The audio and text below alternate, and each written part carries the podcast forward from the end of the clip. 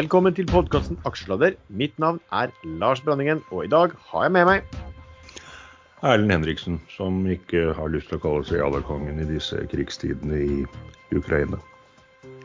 Eh, og Sven han har eh, litt, eh, litt ferie eh, og er litt eh, forhindret, så i dag eh, Erlend, så blir det oss to. Det blir vel hyggelig, det? Det blir bra. Eh, Da slipper Sveen unna litt uh, harde angrep fra meg. Man kan jo ikke angripe en som ikke er til stede. Så vi får ta det neste gang. Er det, er det her noen ny moral du har begynt med, eller? Er moral. Moral på høyt nivå. Å ja, vi skal nok få plukka av det. Den moralen her skal vi få plukka av det i løpet av eh, programmet, tenker jeg. Uff da. uh, vi har en disclaimer. Vi ringer råd dersom du hører på hva vi sier her om markedet, aksjer, enkeltaksjer og livet for øvrig. Er ansvaret helt og holdent ditt eget. Eh, Det kan forekomme feil i det vi sier i programmet, og panelet og panelets gjester kan være langt, kort, direkte eller indirekte eksponert i aksjer, selskaper og produkter som vi snakker om i programmet. OK. eh, skal vi starte med Nå er det jo faktisk et par uker siden sist gang vi hadde um, aksjesladder, så da har du kanskje gjort en god del i markedet siden den gangen, Erlend? Ja, jeg kan jo begynne med sidrill. Sidril. Den hadde jeg en liten post i, en sånn spekulasjon på et eventuelt vakuum. Men så kom det en melding mandagen etter aksjesladder eh, som man måtte lese veldig nøye for å skjønne hva som egentlig skjedde. Og der sto det in, i innledningen på meldingen at effektiv date for, eh, for alle vedtakene som var gjort, den ville være i løpet av uken. Og så sto det lenger ned i meldingen at når effektiv date har inntrådt, så vil dagens aksjer slettes fra handel.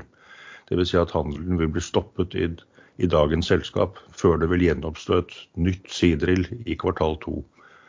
Og de som da hadde aksjer når aksjen ble slettet, de vil få en brøkdel av de aksjene i det nye selskapet.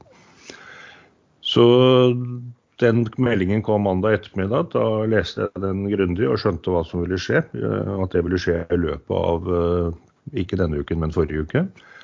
Og solgte alt umiddelbart da på mandag på Open. Eh, Og kursen holdt seg egentlig relativt bra etter at jeg hadde solgt mine et par dager til. Og jeg advarte på ekstrainvestor både i Sidrid-kanalen og i chatten om hva som ville skje. Eh, Så jeg håper at de som fulgte med der, i hvert fall fikk med seg dette. Eh, Og så ble aksjen kom med melding på kvelden og en til på morgenen, og da ble handelen stoppet. Så de som ble låst inne i Sidril, de, de vil få noe sånt som 0,015% av de aksjene i nye Sidril. Men man må også ta med at det vil jo bli en voldsom spleis i de nye aksjene. Det kommer eh, kun 50 millioner aksjer i det nye selskapet. Og da er ikke 0,01 eh, aksje per aksje man har nå eh, så ille lenger som det høres ut. Det, det blir en verdi på rundt, rundt 25 øre for de aksjene man hadde da altså handelen ble stoppet. Men det er selvfølgelig ille når kursen var rundt 1,10-1,20. Men det er ikke helt, eh, det er ikke helt wipe-out. Så ja, det var Sidril. Eh, Den eh, kommer tilbake i kvartal to. Da er den ferdig restrukturert, har kvittet seg med masse gjeld, og da tror jeg den kan bli et veldig godt eh, veddemål på, på bedrete, rig, bedrete riggerater framover. Og så må vi se om det faktisk slår til.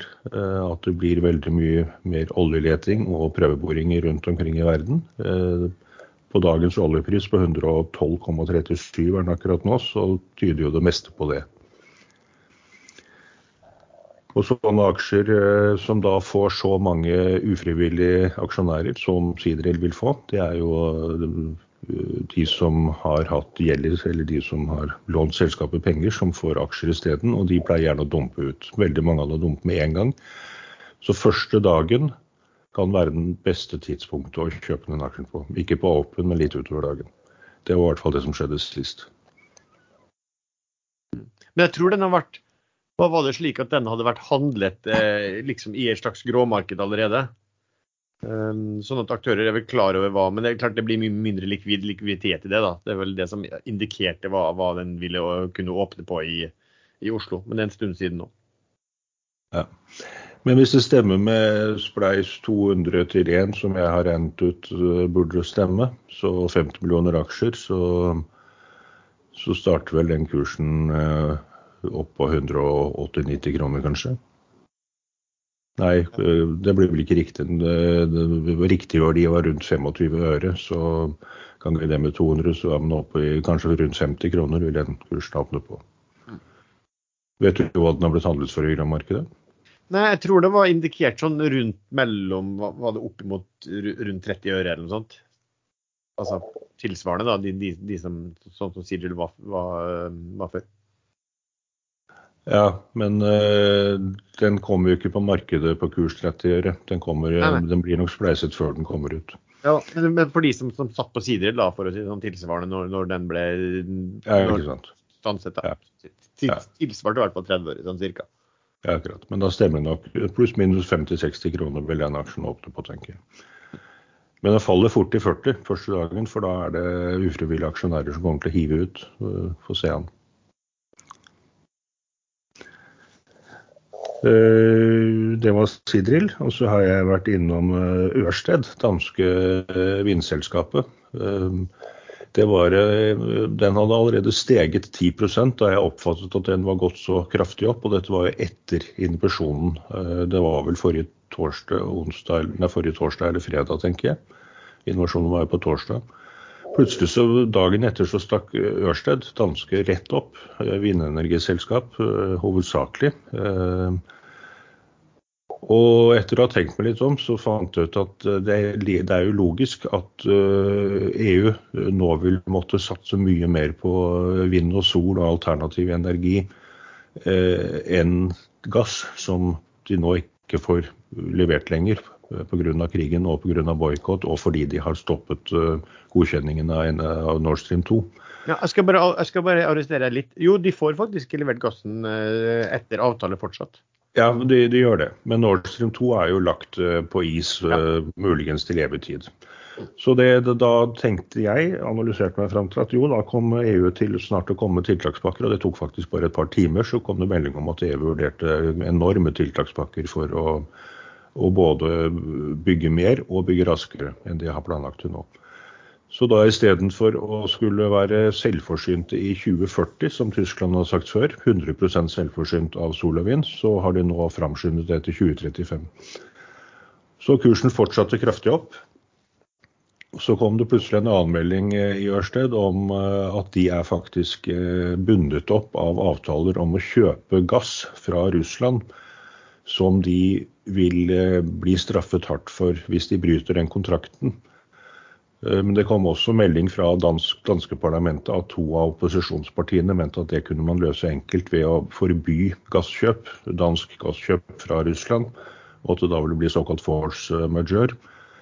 Uh, og at de da kan bryte kontrakten uten å risikere straff for det. For dette var, uh, dette var kontraktsbrudd, uh, kostnader på mange titalls milliarder eller enda mer, som de risikerte. Men da følte jeg at det hadde kommet et nytt usikkerhetsmoment inn i aksjen, og så åkte de aksjene på Open på 751 kroner, og det hadde var jeg tjente vel 37 kroner eller noe sånt på å trede den i to dager. Eh, kunne solgt på 837 dagen før.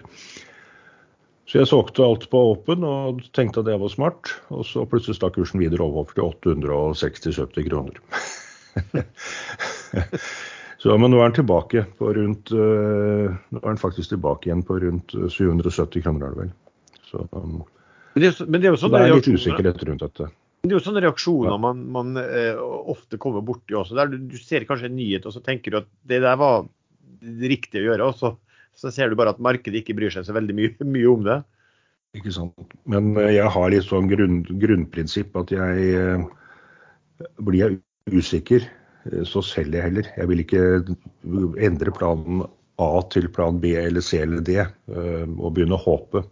Tro, håp og kjærlighet i aksjemarkedet, det straffer seg stort sett.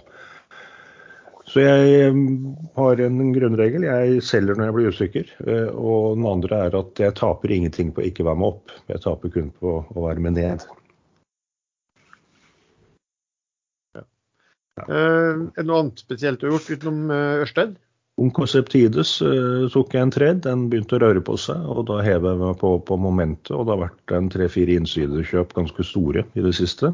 Uh, Så jeg vil tro det kommer nyheter raskere enn i slutten av kvartal to, som, som EU visstnok skal avgjøre søknaden de har inne. De er i samtale med FDA i USA. Så jeg var med en 3-4-30-40 øre opp i den og solgte med grei gevinst. Eh, nå er den litt tilbake igjen til 9,16. Jeg solgte vel på 9,60, tror jeg. Eh, men den kommer plutselig til å stikke, og der, eh, hvis det stemmer, det ledelsen tydeligvis også tror, så er det en aksje som fort skal til 20-30 kroner. Den var på 24 sist den stakk rett opp. Så risk reward på den her nede på 9,16, det tror jeg er veldig bra. Men akkurat ja, for det, det, har, vært en del, som, det har vært en del større innsidekjøp rundt ja, her? Rundt den kursen her, ja. Sånn mellom uh, rundt ja, opp til 9,30 og 9,40. Vi har jo snakka om den før. Det var jo den som var oppi, var vanlig oppi? Den var jo langt over 100, og så kom det en, en, en, ja, en dårlig utvikling og en katastrofemelding. Og så gikk den vel ned på da vi kjøpte den nede på tretallet. ja, den gikk ned til 350 eller 340. Ja, og så gikk den jo opp i Jeg husker ikke hvor høyt den gikk. Opp 24. OK, det var der oppe, ja. ja. Før den falt tilbake igjen. Så jeg var med fra, faktisk fra 3,78 og litt ut og inn, men jeg fikk med meg 5-6 kroner av oppgangen til 11-12, og da var jeg veldig happy med det. Hele tiden mer enn doble seg et par dager etterpå. men man kan jo ikke gråte over eh, spilt melk, man må bare prøve å karre seg opp igjen og ta seg sammen og smile. Ja, men så, kunne... også kan man tenke på da at eh, men 99,9% av markedet har jo ikke vært med på oppgang i det hele tatt. Nei, så det er, eh, det er litt av et pilde pilende darts, uh, dartspill med bind for øynene etter å ha blitt snurret 17 ganger rundt man driver med noen når man kjøper aksjer som har gått bra før. og Det er ikke lett å se hva som skal reagere bra. Men eh, Eh, ryktene sier vel at du har kjøpt uh, Supply også?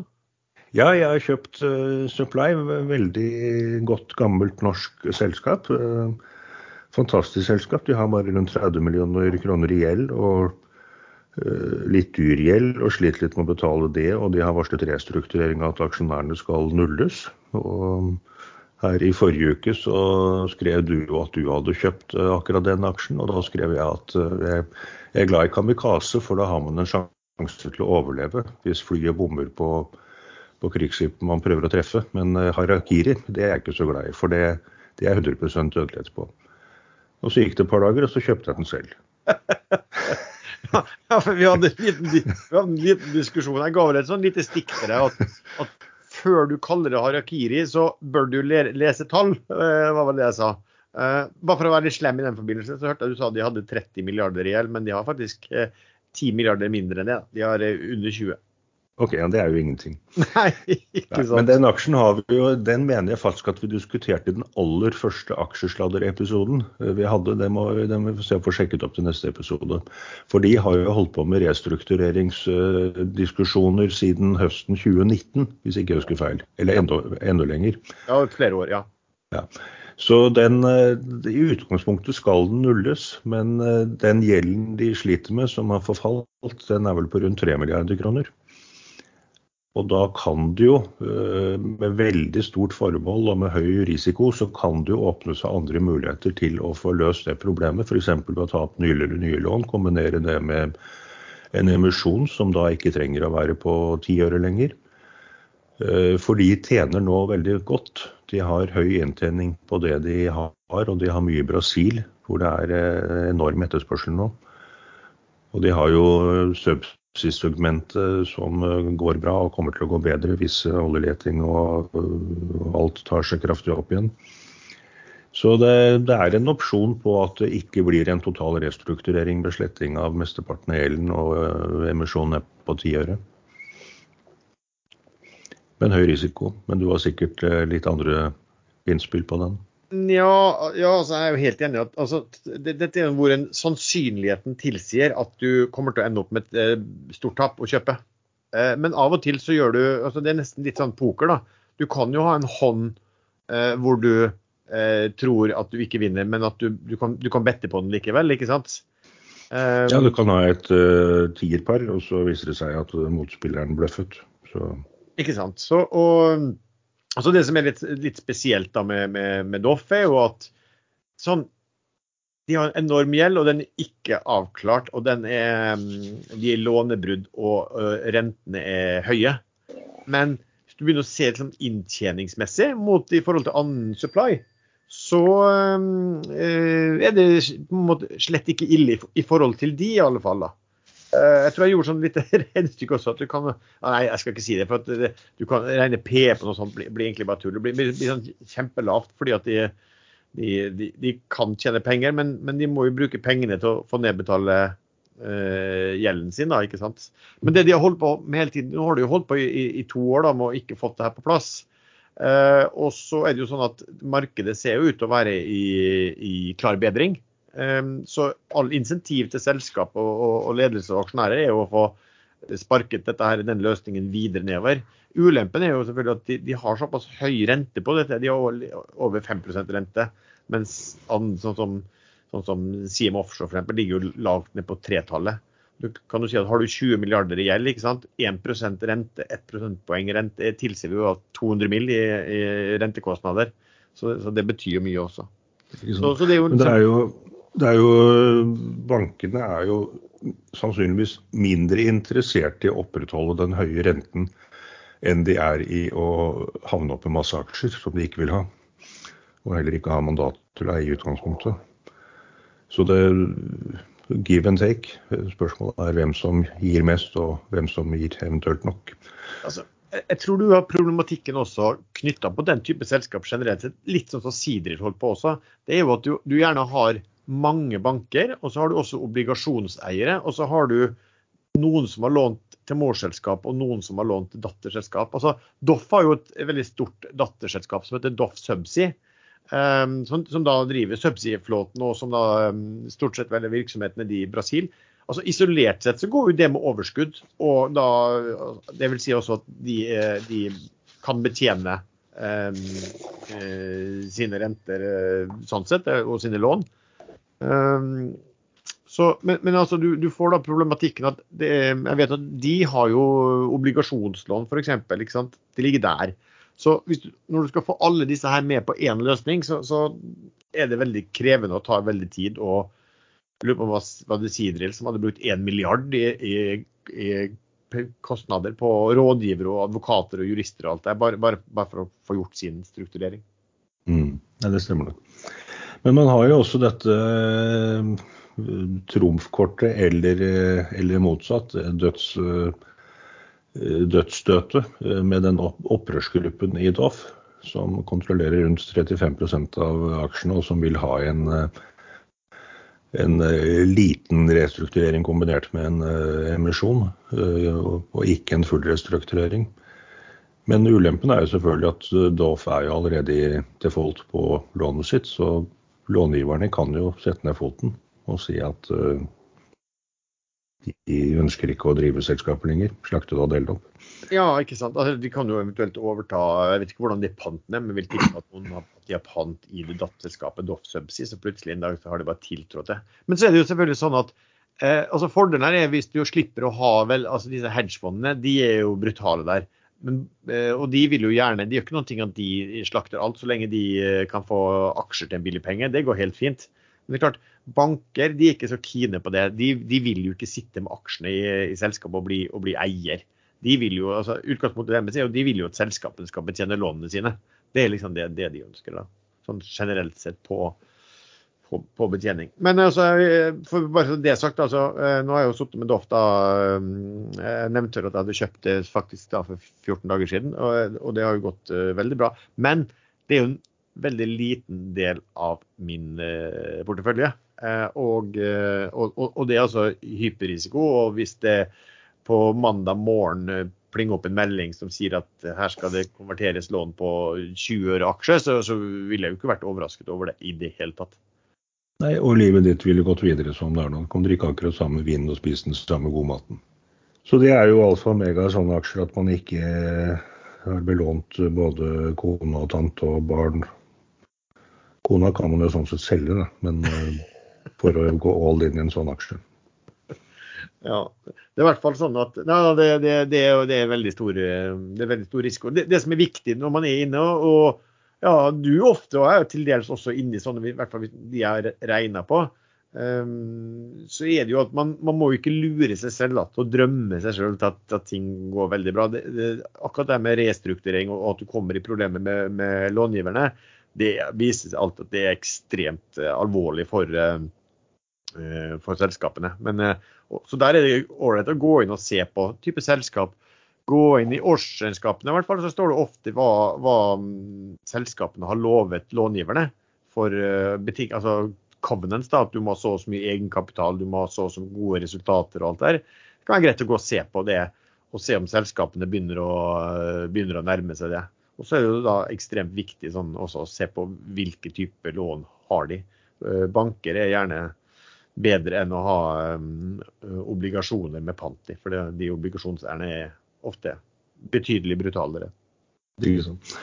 Men det, nå har jeg 0,855 i snitt på den aksjen, og kursen ligger nå på 1,20. Så sånn i i stort sett alle andre aksjer er enige, så ville jeg følt meg veldig komfortabel med, med den gevinsten. Uh, worst case pleier man da å komme seg opp ut, fremdeles med god, god gevinst, med en dårlig melding.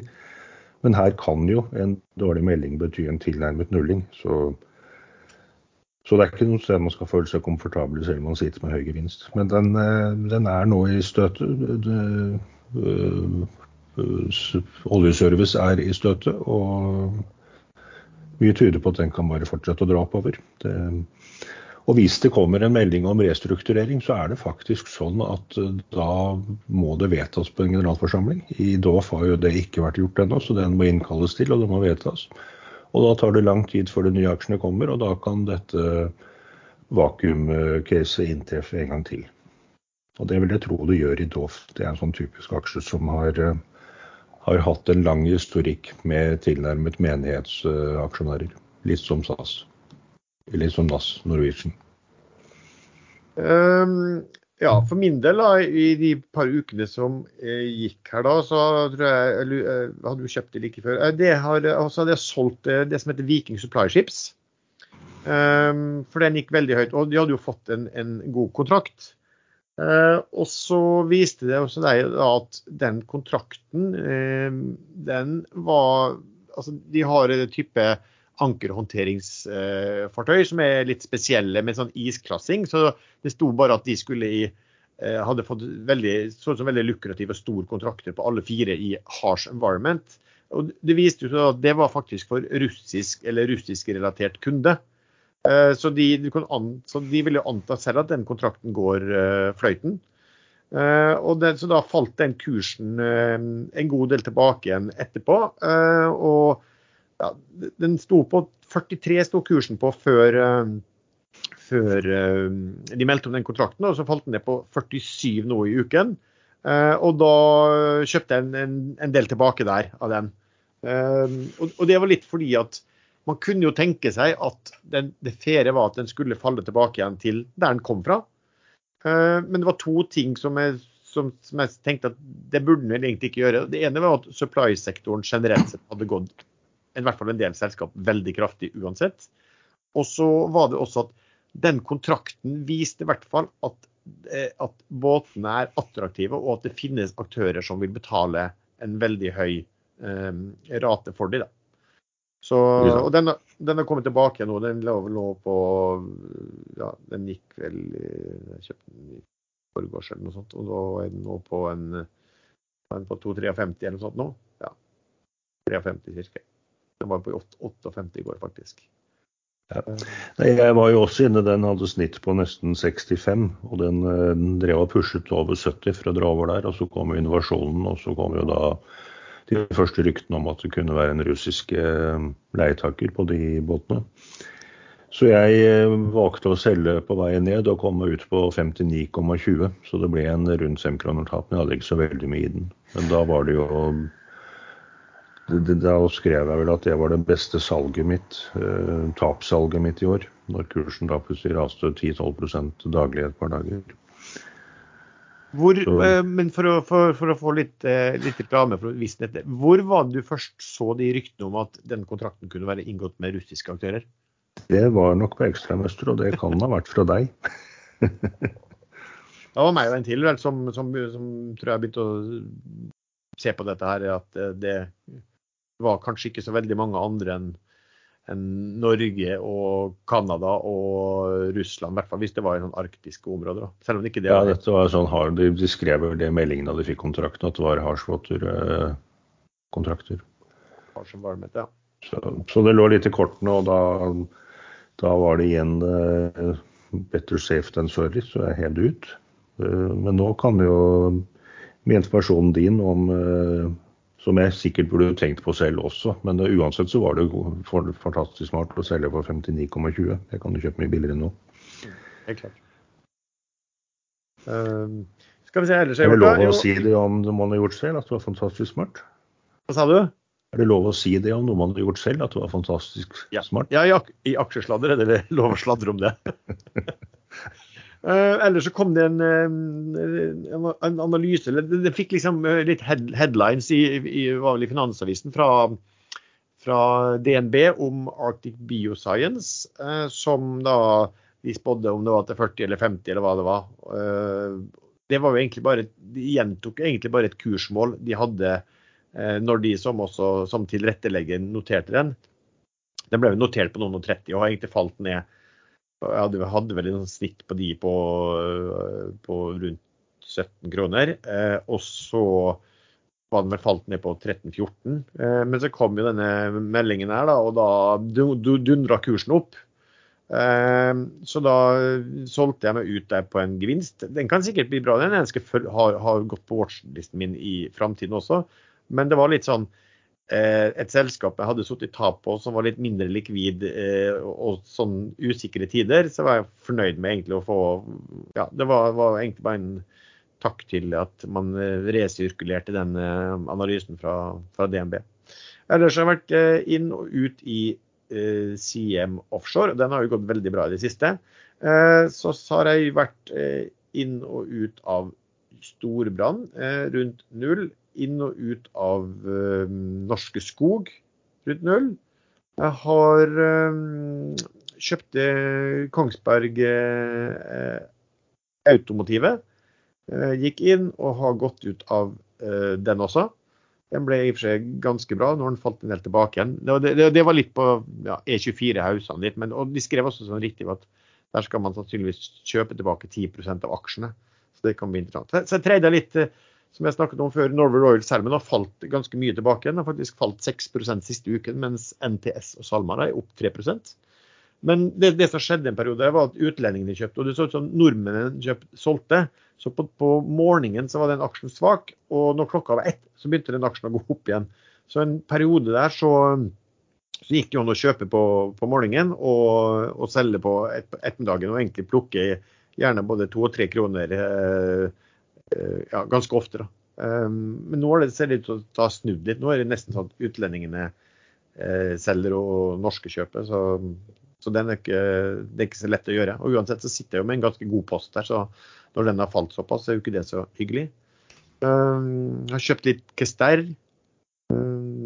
Og har også kjøpt litt Oddfjell Drilling i påvente at de skal gjøre en spin-off. Det, det Kester-kjøpet ditt må du jo begrunne litt. Uh, ja, det, det, kan jeg kanskje begrunne på en, uh, noe som jeg tror jeg kommer til å bli en sånn generell tanke. Det var vel egentlig at, altså Vi har jo snakket om Kister, ikke sant, som, som har da store mm, gassressurser i Canada, i Quebec. Og Quebec vil da ikke at det skal produseres uh, den type fossile, skadelige brensler på sitt område. Men så er det jo sånn at den innovasjonen her har kommet, og russisk gass vil man bli kvitt. Så Altså Om det skjer her, da, men min sånn, en sånn generell Jeg tror ikke det engang trenger å være en tese, det, det, er vel noe som nesten må slå til. Det er jo at man kommer til å søke og source og få gassleveranser fra mer stabile eh, områder og jurisdiksjoner i framtiden.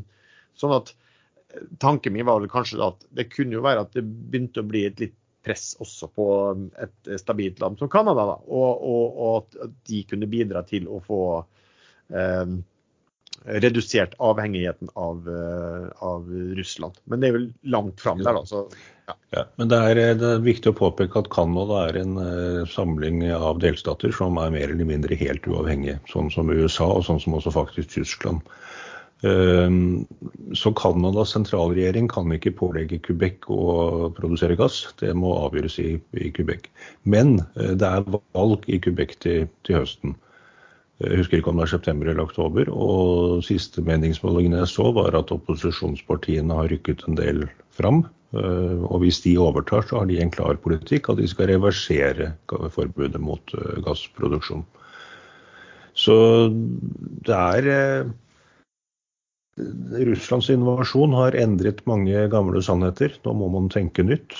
Ehm, og det er jo ikke mer enn eh, et halvt år til det er valg i Quebec, så aksjemarkedet planlegger ofte et halvt år fram i tid, sånn pluss-minus. Så det kan være fornuftig, eh, men per i dag så er det ingenting som tyder på at dagens regjering i Quebec ønsker å endre på det forbudet, som allerede er vedtatt Jeg tror jeg har en inngang der, ser på ja, eh, et lav et 80-tall. Um, ikke sant. Men, men, hvis men det, det, blir endret, så er det jo kursmål på uh, både 12 og 30 kroner, så vidt jeg vet, i den aksjen. Så det er jo en fantastisk opsjon på at verden, realiteten endrer seg. Ja, hvis de gjør det, ja. Men det var egentlig bare en sånn liten hunch. Og, og Kster er jo Altså det er jo et selskap hvor jeg mistror selskapet. Og vi har vel snakket om og når man ser hva han eh, toppsjefen holder på å tvitre på, på um, og Twitter og skriver, da, så kan man jo si at man misliker den fyren. Så, og, og, så det, det, er jo et selskap, altså det er jo en aksje for min del som, som, aldri kommer til å være noe mer enn å treide på hva skulle du si, på, på temaet og på nyheter og den type der fordi at du, sant, du, du, har jo ikke lyst til å sitte long med pengene dine og, og, investere i et selskap som styres av folk du ja, du, du både mister ærligheten på og alt annet også, ikke sant? Ikke sant? Men det er ikke bare CEO, det er også han CFO-en som kom med fullstendig feil uttalelser eh, nå sist. Men uansett, det, jeg har den ikke selv ennå, men jeg følger med. Så vi bruker jo da også å ha en sånn lite spalte med emisjoner og nye debutanter på børsen. Det er jo Sven som bruker å holde i den. Det har ikke vært noe sånn særlig. Vi har vel snakket om de som har vært. Den eneste er vel eh, Observe gjorde vel ferdig sin emisjon, og der fikk jo garantistene ganske mye. Den raste jo den kursen underveis, og garantistene fikk ganske mye i fanget. Og så ble det gjort en emisjon i Borgestad eh, også, hvor de eh, hentet inn eh, tror jeg var, om det var 150 millioner på, på to kroner. Uh, og da hadde jo blitt den aksjen hadde jo blitt handla på 7,5 dager før. så det, for å si, det ble jo gitt en, en, voldsom rabatt, men som også da ja, det, det, det, sier kanskje litt om problemene det selskapet, selskapet var i. Men den kursen er jo tilbake nå på, på tre. og Vi får høre med Sven. Kanskje han til og med var en av de som, som tegna seg. Han bruker jo ofte å være med på på den typen.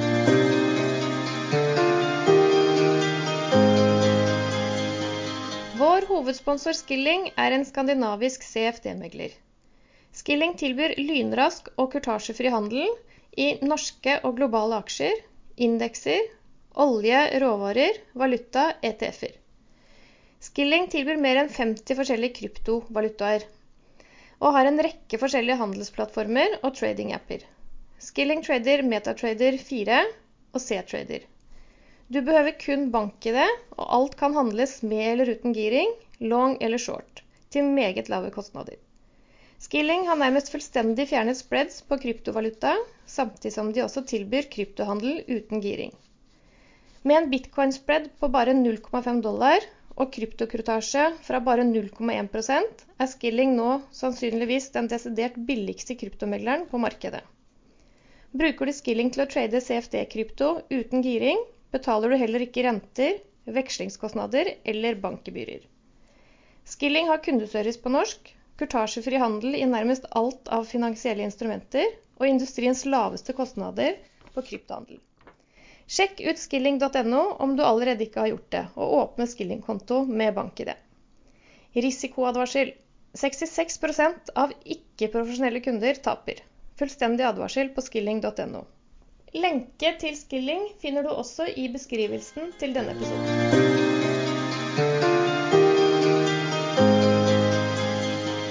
Et stort tema i dag, da, Erlend. Vi må snakke om Ukraina og alt hva som skjer der, og hvordan det påvirker. Altså, for å si det sånn, hva er det egentlig Russland tenker på, og hva er det egentlig Putin tenker på her? Putin har jo sånn helt konkret nå, så har han påstått at uh, Ukraina har drept Jeg mente et sted ble det påstått at uh, han har sagt at uh, Ukraina har drept over en million russere i Ukraina. Det er selvfølgelig et tall tatt fullstendig ut av luften. Men at det er noen titusen, det stemmer nok i den konflikten som har rast nå i åtte år i Sørøst-Ukraina. Så etter at Putin fikk sine soldater inn i Krim, som da ikke var merket som russiske soldater, og overtatt eh, Krim. Og har holdt det landet, den halvøya siden. Siden 2013 er det vel. Så ble det jo et opprør i østprovinser av russiske opprørere som ønsket å frigjøre den delen av Ukraina fra Ukraina, eh, og heller samarbeidet tett med Russland. Og det er ingen tvil om at Russland hjalp både med soldater og våpen også i den konflikten. Så det at drepes folk på begge sider, også, eh, også kvinner og barn, det er, det er faktisk naturlig i en konflikt hvor et land forsvarer et landområde eller prøver å reversere et opprør, og opprørerne bruker våpen og skyter andre veien. Så det har gått begge veier, og det er det ingen som helst tvil om. Um, Ukraina har gjort noen feil på veien, i min mening, de før opprørerne i den delen av landet gjorde opprøret. Det ble litt mye litt usammenheng der, men eh, de gjorde det vanskelig for uh, russiske barn å lære russisk på skolen. De, de stengte vanntilførselen til Krim, og de har oppført seg uh, litt sånn som man kanskje ikke burde gjøre mot en så sterk nabo. Um, de har sikkert sine gode begrunnelser for å ha gjort dette her, men det er én side av saken. De har også ønsket ytret ønske etter at det, det ble faktisk gjennomført et kupp i Ukraina i 2014, hvor den lovlig valgte presidenten ble avsatt. Eh, men at han ble avsatt, det kan jo vi med våre vestlige øyne være, ha veldig høy stor forståelse for. Folk ble fengslet. Eh, han, han var en typisk type oligark som tilrannet seg enorme verdier i samfunnet. Hadde flere slott og landeiendommer og stjal mye penger, og rømte også til Russland etter at han ble avsatt. Men det har vært frie valg etter at han ble avsatt, og nå i siste valg så ble jo da Zelinskyj valgt. Eh, tidligere komiker og eh, humorist på TV som hadde produsert et program hvor eh, Putin hadde blitt avsatt og han plutselig ble president i Ukraina. Som så på responsen at den var så god, så han stilte til valg selv og ble valgt ved overveldende flertall. Og han har jo vist seg i den konflikten her å være et stats statslederemne av dimensjoner. Måten han har stått imot og blitt i Kiev og nektet å overgi seg og samlet støtte, og også direkte våpenstøtte fra Vesten, den er jo helt eksemplarisk mot en invasjonshær.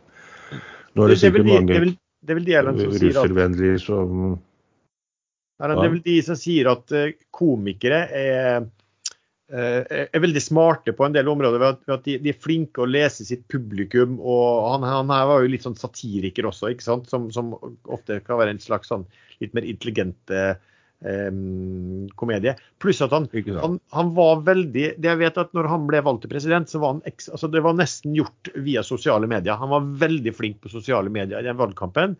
Og det ser du jo nå, da, hvor, hvor flink han og Ukraina har vært i sosiale medier og media generelt, da, for å få stor sympati. Så at han har vunnet informasjonskrigen mot Putin, som sitter der eh, som en voksdukke uh, alene på et kontor uh, i samme dress hver dag, det er det jo ingen tvil om. ja, konflikter har alltid to sider, og flere sider.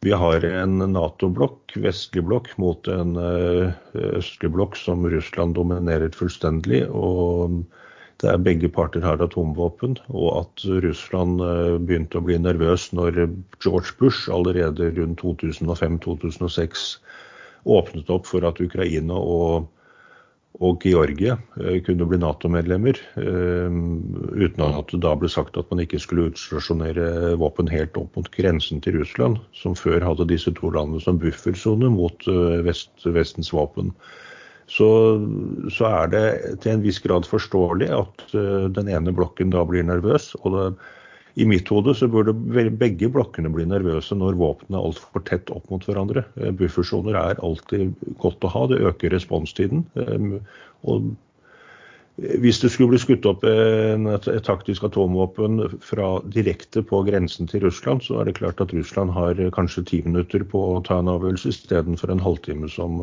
hvis det er litt lenger bort. Så, og det øker farene for misforståelser og for en uh, atomkrig som ingen parter er tjent med. Så jeg skjønte aldri hvorfor Vesten i det hele tatt vurderte å ta opp Georgia og Ukraina. Jeg har alltid vært imot det. Uh, men så kom jo da invasjonen, og da må man faktisk uh, revurdere hvordan man argumenterer. Nå har Russland invadert. Nå står de med enorme tropper, eh, styrker og militære inne i Ukraina, og de angriper også sivile. Det er nå dokumentert i veldig god grad. At Georgia og, og Ukraina nå ønsker å bli Nato-medlemmer og EU-medlemmer eh, også. Begge, har, begge landene har nå søkt om å bli EU-medlemmer. Det er fullt forståelig, og dette har Putin utløst ved sin aggressive politikk. Så det jeg skulle si i stad da de avbrøt meg sist også, det var at uh, nå får jeg sikkert masse uh, imot meg. Uh, det er mange som tenker mye mer defensivt og mener at man aldri skal provosere motparten. Og ja, jeg er enig i det, før Russland invaderte. Men jeg tror også sånn historisk at det er viktig å nevne, for at Putin bruker jo da disse øst-ukrainske områdene, og, og, at der har det vært da urett og, og, og skyting mot og, drap på på russisk befolkning der. Men nå er det jo lenge før det så hadde jo Putin en tale hvor han egentlig, eh, som nå, eh, underkjente til dels Ukraina som land, og, og, fortalte at det hørte hjemme i Russland. Ja, Det gjorde han faktisk i 2007. I, hvis man går tilbake, så var det en konferanse i München hvor han sa det rett ut. At uh, Russland er nå omgitt av eh, land som tilhører Russland. Han kaller det vel for uh, hviterussere og lillerussere. Lillerussere er vel uh, Ukraina. Og mener at det historisk sett tilhører Russland, og han skal ha det tilbake. Og Ser man nøye på hva han har sagt både i den talen og senere, så er det ikke noe tvil om at han også mener at de tre baltiske landene, Latvia, Litauen og Estland, også tilhører Russland. Så han stopper ikke i Ukraina hvis man lar han ta det landet. Garantert ikke. Han har tatt biter av Georgia allerede. Han har, tatt, uh, han har en bit i Moldavia. Uh, så stopper man ikke han nå, så, så blir dette en langvarig mange tiår fram hvor han hele tiden kommer til å pushe mot yttergrensene.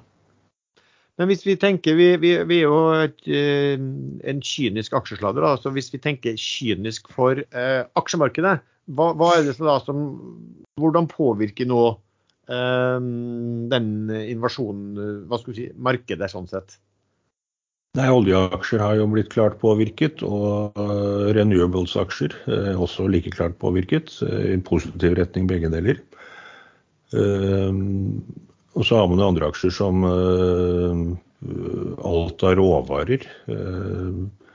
jeg tenkte jeg skal nevne Rana gruver etterpå, må minne meg på det. Så Vesten ser seg nå om etter nye leverandører og nye måter å gjøre ting på, produsere ting på. Og det er masse selskap som er veldig godt posisjonert for å kunne tjene på den innovasjonen. Eh, og så er det noen som eh, faktisk eh, prøver å se på det russiske aksjemarkedet, om det er noe bunnfiske man kan bedrive der. Og Gazprom hva var det, nede i 0,58 rubler om dagen, og så steg den tigangeren like etterpå. Men så på en eller annen måte så er alle vi som spekulerer i aksjemarkedet nå, eh, indirekte blir jo krigsprofessører. Og så må man da eh, finne ut hvor, hva man vil være med på og hva man ikke vil være med på. For meg er det helt uaktuelt å kjøpe russiske aksjer nå, når, eh, når Vesten gjør alt de kan for å boikotte Russland og knekke økonomien så lenge Putin ikke trekker seg ut. Så nei, jeg kjøper ikke Gazprom etter 99 fall, og jeg blir ikke glad hvis jeg hadde gjort det og, den, og jeg hadde tjent 3000% på det. Men andre tenker annerledes. og så er jo spørsmålet er det egentlig så mye bedre.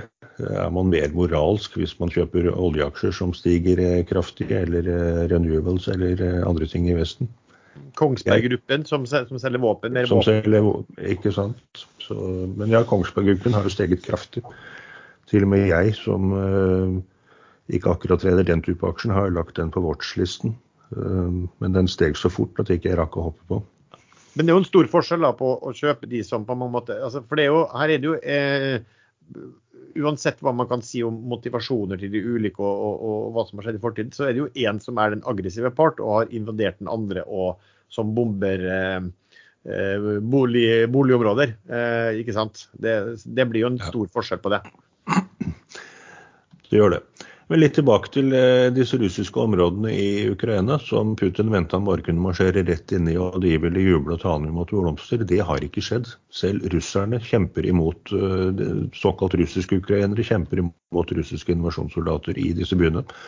Og i et par av en av de som nå faktisk er besatt av Russland, så var det ikke i hvert fall ikke noe sånn mye uh, ukrainsk forsvar i det hele tatt. Så det er russerne ukrainske russere som selv har stått opp mot russiske styrker i disse byene. Så den invasjonen, den eh, i hvert fall så tror vi som får med oss brøkdeler av hva som egentlig skjer. Vi tror at Putin trodde dette skulle gå unna på en, eh, noen dager, og så var hele Ukraina falt. Det har ikke skjedd. Men om Putin virkelig trodde det, det, det er et stort spørsmålstegn ved. Det meste tyder på at han planla en invasjon som ville vare 14 dager. Jeg så en, eh, jeg så en eh, som var en sånn fagmilitær, som fortalte at altså, det var jo eh, krasj da i forbindelse med, med Krim og det, og det, som har skjedd i, i Øst-Ukraina også den gangen, mellom russiske styrker og ukrainske styrker. Og da framsto de ukrainske styrkene som helt elendige. Og det var vel en da som faktisk var en sånn eh, militær i Russland som hadde uttalt den gangen at de hadde jo erobra eh, tatt ukrainsk utstyr og skulle prøve å skyte med det også. sånne, noen granater og, og ingenting virket. Eh, så det var totalt altså de, var, de, de ble helt overkjørt. Eh, og da var det han som skrev noe, som var en vestlig eh, militærekspert, han skrev vel at det han trodde også var at, at de hadde undervurdert de grovt. Eh, og mente at det som ofte skjer når, når, du, når du viser deg å være så dårlig eh, som her, så gjør du ting for å forbedre deg. og Det mente han at Ukraina hadde gjort i veldig stor grad. Samt at de da selvfølgelig har fått mye bedre våpen fra, fra Vesten. Og så er det selvfølgelig at hvis du ser da på han, Putin, så ser det ut altså Dette er jo ikke en kar som åpenbart omgir seg med nei-mennesker. Eh, det kan man se på diverse opptredener. Eh, og det er vel da sånn at han har sikkert hatt folk som har fortalt han at dette var smart, uansett hva de kanskje selv eh, måtte tenke. Eh, Alternativet er vel kanskje i beste fall avsettelse, og i verste fall så du, er du både avsatt og sitter i fengsel. Uh, og da får du kanskje hybris. da, du, du, du, tror at du er så smart og du tror at du skal bli hyllet uh, uh, når du gjør dette her, og så, og så er virkeligheten en helt annen. Men han har jo tatt en stor risiko i mine øyne. hvis hvis vestlig etterretninginformasjon er korrekt, i hvert fall den delen av den som vi får høre om, eh, så har han brukt to tredjedeler av sine konvensjonelle styrker, eh, både mannskap og våpen, på å omringe Ukraina før han startet invasjonen. Og Hvis den andre delen er korrekt, at han har allerede flyttet over 80% av disse styrkene inn i Ukraina, hvis han da skulle tape, så er Russlands konvensjonelle forsvar redusert til til, eh, til under halvparten. Eh, og da risikerer han jo at eh, republikker som nå holdes på plass ved stramme tøyler, kan gjøre opprør. Og da vil jeg tro at Hviterussland er kanskje et av de første landene hvor befolkningen enda en gang gjør opprør, etter at Lukasjenko klarte å slå ned det ved Putins hjelp her nå i fjor. Det oppgjøret var jo nesten vellykket, og de vant jo uten tvil valget før Lukasjenko forfalsket resultatene. Men akkurat nå er det det opprøret ble slått ned så brutalt og blodig, så da er det ingenting eh, som tyder på det kan skje nå. Men hvis de føler at nå er Russlands styrker så svekket at Putin ikke lenger tør å forsvare øh, Hviterussland heller, da kan ting endre seg veldig fort. Ja, og det er klart at uh, det kommer nok sikkert til å være enorm forskjell på hva disse militærstyrkene har blitt fortalt de skulle til, og hva de kanskje har opplevd eh, selv også, som gjør at de kanskje ikke er veldig interessert i å slåss for et regime lenger, eh, sånn sett. Jeg så forresten akkurat nå, ja.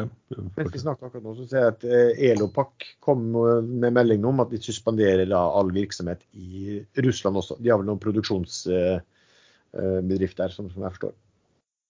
Men, men, du, eh, en, en, ting som er litt Altså følgen av ting. Du som er Tysklands uh, utdannet og kunne der, så Tyskland gjorde jo da uh, veldig rask, veldig tøffe, altså oppsiktsvekkende beslutninger både om uh, militære og om fornybare. Hva, hva, er det de egentlig går for nå? Nei, det, Tyskland har jo av naturlige grunner etter forrige verdenskrig eh, vært i stor grad demilitarisert. De har ikke noe typisk angrepsforsvar. De har eh, ikke sendt eh, våpen til konfliktsoner, sånn som Norge. Men Tyskland er jo en stor våpenprodusent og har sendt våpen i massevis til land eh, som de kanskje heller ikke burde gjort det. De var, jo, var vel største selgerne av våpen til Irak, kanskje bare slått av, av Frankrike da Saddam Hussein var enersker der nede. Så, men på hjemmebane har de vært veldig defensive. De nektet også å selge våpen, eller levere våpen til Ukraina da konflikten startet. Men så hadde da den nye bondeskansleren Scholz en tale her for et par dager siden hvor han sa at uh, ting har endret seg, og Tyskland endrer sin politikk fullstendig. De skal øke forsvarsbudsjettet til over 2 uh, De lå vel på rundt 1,6% tror jeg.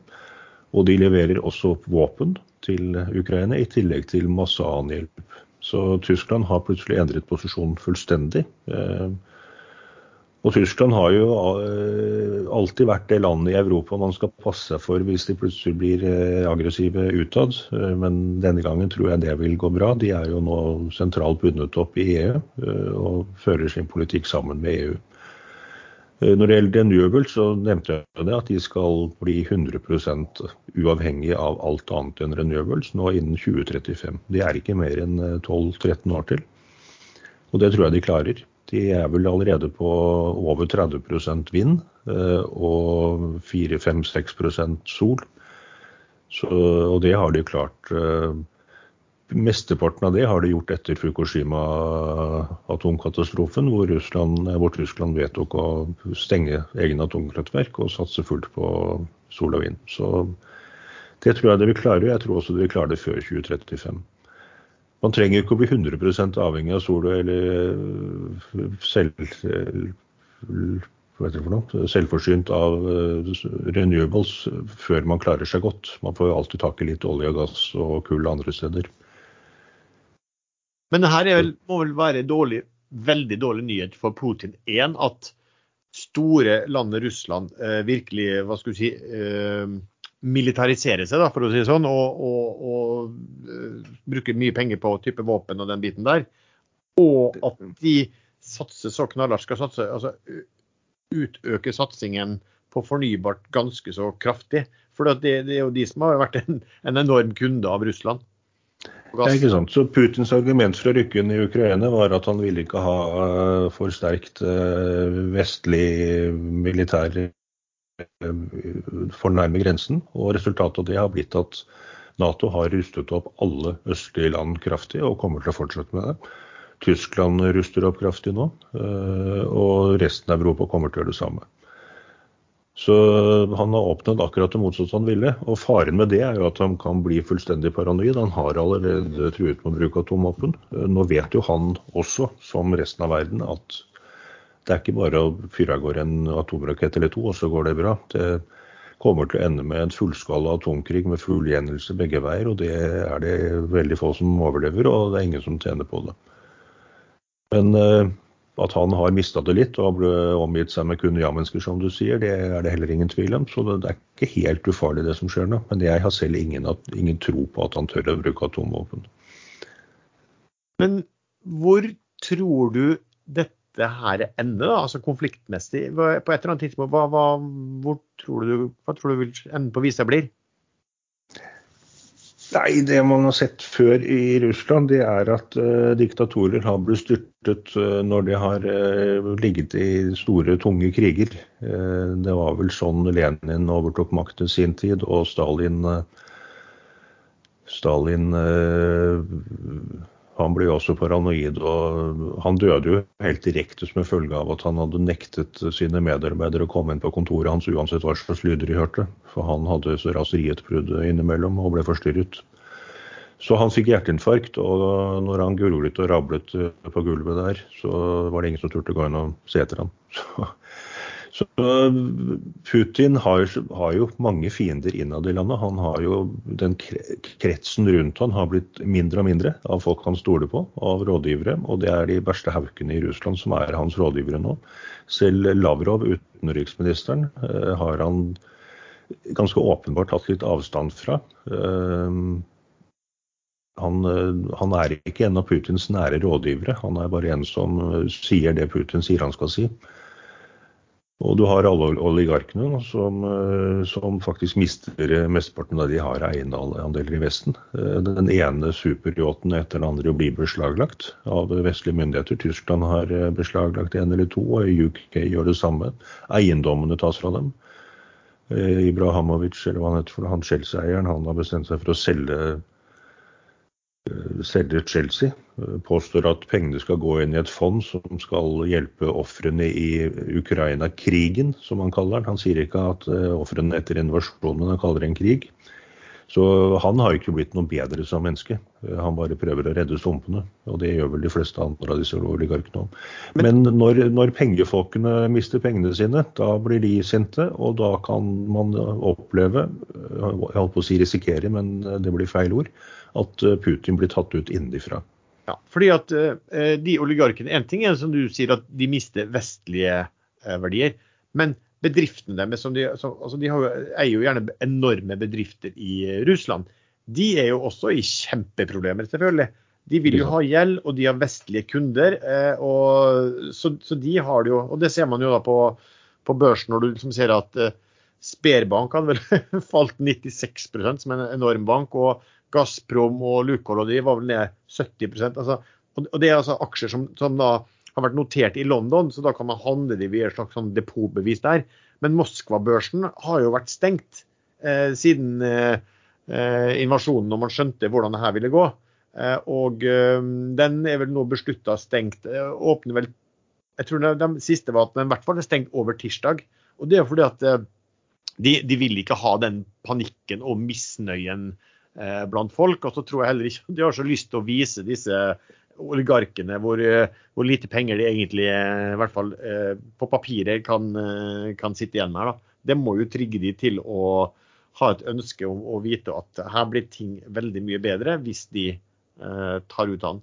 Men eh, sannsynligheten vil jeg vel si at, er jo at det, det her ikke skjer. Jeg, jeg, jeg tror faktisk at altså, det som eh, presenteres til den russiske befolkningen, er ganske annerledes enn hva, hva vi får ta del i. Og nå har de gått til eh, enda sterkere eh, skyts mot eh, Det jo, finnes jo ikke noe egentlig fri medie å snakke om der, for de har jo på en måte drept journalister og, og kjøpt opp eh, sånn at staten eier eh, medieselskapene selv. Men de få som var det, de skal vel stenges nå. og nå er det vel sånn at hvis du Eh, hvis du omtrent erklærer dette og forteller om dette og sier at Russland har invadert Ukraina, så risikerer du å bli fengslet. Og nå snakker de om fengslet eh, opptil 15 år og eller sendt i avdeling inn i krigen i eh, Ukraina. Så, så det, ja, det, siste, bare... det, det, siste, høres vel mer ut som uh, det man kaller fake news. Det har jeg ikke sett offisielle kilder si. Akkurat at de kan bli sendt til krigen i, som kanonføde. Men 15 eh, års fengsel, det er vedtatt til Dumaen. Ja. Jeg er jo ikke så eh, lite eh, i tvil om at de kan finne på å si det for å, for å true befolkningen. Om, om, de vedtar det, det er noe, det er noe, ja, det, noe helt annet. Hvis man er så tøff at man, at man nå i, i, Russland faktisk går offentlig mot myndighetene, og straffen er at man blir sendt til frontlinjen, så så skjønner vel også Putin at det er soldater som uh, snur våpenet andre veien mot dem mot dem selv og ikke mot ukrainerne. Min, min sånn hovedtese her er vel at eh, man ender opp til slutt med en slags fredløsning som eh, tilsynelatende eh, gjør at Putin kan vise til sin befolkning at vi, vi, vi lyktes med mye av hva de gjør. Eh, for her er det jo ekstremt snakk om å miste ansikt. Når du som diktator så vet du jo at du, du kan føle deg veldig mektig, men det er ikke så lang vei fra å føle at du er liksom allmektig til at noen dukker opp med, med pistolen mot panna di, for å si det sånn. Eh, men så vil det jo være sånn at selv om de skulle komme med en, si, en framtvunget løsning som Ukraina eh, føler seg at de må bare gå med på, så vil det, det, det vil jo ikke være sånn at Vesten eh, Man får jo ikke håpe det for noen i hvert fall at Vesten plutselig begynner å slippe opp disse eh, sanksjonene. Et sånt regime bør jo bare eh, isoleres egentlig for evig og alltid. Eh, litt sånn som du sier, for ellers så gir du dem jo bare nye insentiver til å, å angripe eh, naboland. Ja, Men ikke for eh, evig og alltid. Tyskland etter første verdenskrig ble isolert for evig og alltid. De ble tvunget til reparasjonsbetalinger som ville gjort dem til en slavestat for evig og alltid. Det medførte at Hitler kunne bli den han ble. Han valgte jo faktisk valget før krigen avskaffet andre partier og tok full makt. Uten eh, disse reparasjonsbetalingene som eh, gjorde at folk bokstavelig talt sultet i hjel i Tyskland, eh, det var nesten ikke jobber, så hadde han aldri kommet til makten. Men jeg sa, men jeg sa ikke Russland, jeg sa regimet. Ja, akkurat. Så regimet, det er greit nok. Jeg har liten tro på den løsningen hvor han får hvor Vesten blir enig med han om å akseptere små seire her og der. Nå tror jeg Vesten er så enige om å knuse han at det, det skjer ikke. Men eh, det er jo det er vel kineserne sikkert som har det fine uttrykket at man skal aldri presse en tiger inn i et hjørne. Eh, da har den ingen andre muligheter enn å angripe, og Russland har atomvåpen. Så kanskje for å unngå den, det scenarioet, så kan du få rett. At man lar han komme seg ut med en, en historie han kan selge på hjemmebane. Men da tar det jo bare litt tid før han bygger opp igjen og prøver en gang til. Ja, og da kanskje enda mer brutalt. Jeg så markedet forresten, tok meg en titt før vi begynte her nå, de siste to ukene siden vi hadde siste gangen. Eh, altså Hovedindeksen i Norge er sånn ca. null, men da er det jo enorme variasjoner. For at noen selskaper har gått veldig bra, mens andre har gått veldig dårlig. Mens Dachsen, altså tyske børsen, den er ned 12% på to uker. Eh, eh, USA er ganske flatt. Men i dag er Norge ned 1,66% akkurat nå. Den var vel over 2 ned, og det er vel eh, det meste den har vært siden dette startet, tror jeg. Vi har vel stort sett bare gått opp. Ja, Eller? jo, det er riktig det. Uh, vi har uh, vi har uh, Vi hadde jo en dag i går, da. Den gikk faktisk ned i går også, 1,2 i går. faktisk. men bortsett fra det så har det vært ganske, um, ganske klart oppe. Og det er fordi vi er en tung energibørs. Ja, så vi, så vi er krigsprofitørene? Ja, vi er jo det. Men eh, nå gjorde jo Støre faktisk eh, godt igjen det han ikke gjorde godt først. Da skulle Norge gi 200 millioner kroner, som vel var eh, kanskje to dagers økte inntekter for Norge pga. økte olje- og gasspriser. Eh, ikke arrester meg på akkurat det tallet, men det, det, tallet ble økt fra 200 millioner til 2 milliarder. Eh, og da er vi da er vi på over en fjerdedel av det USA gir. Så nå er det ingen som kan kritisere Norge lenger nå. I tillegg så tillot vi Danmark å selge norske våpen, eller levere norske våpen til Ukraina og levere våpen selv.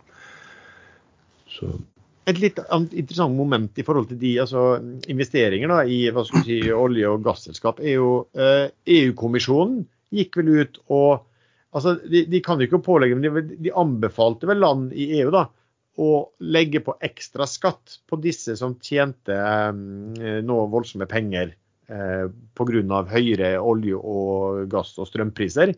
Eh, og da heller bruke de pengene til Eh, å og, gjøre det for å sette ekstra fart i det fornybare skiftet.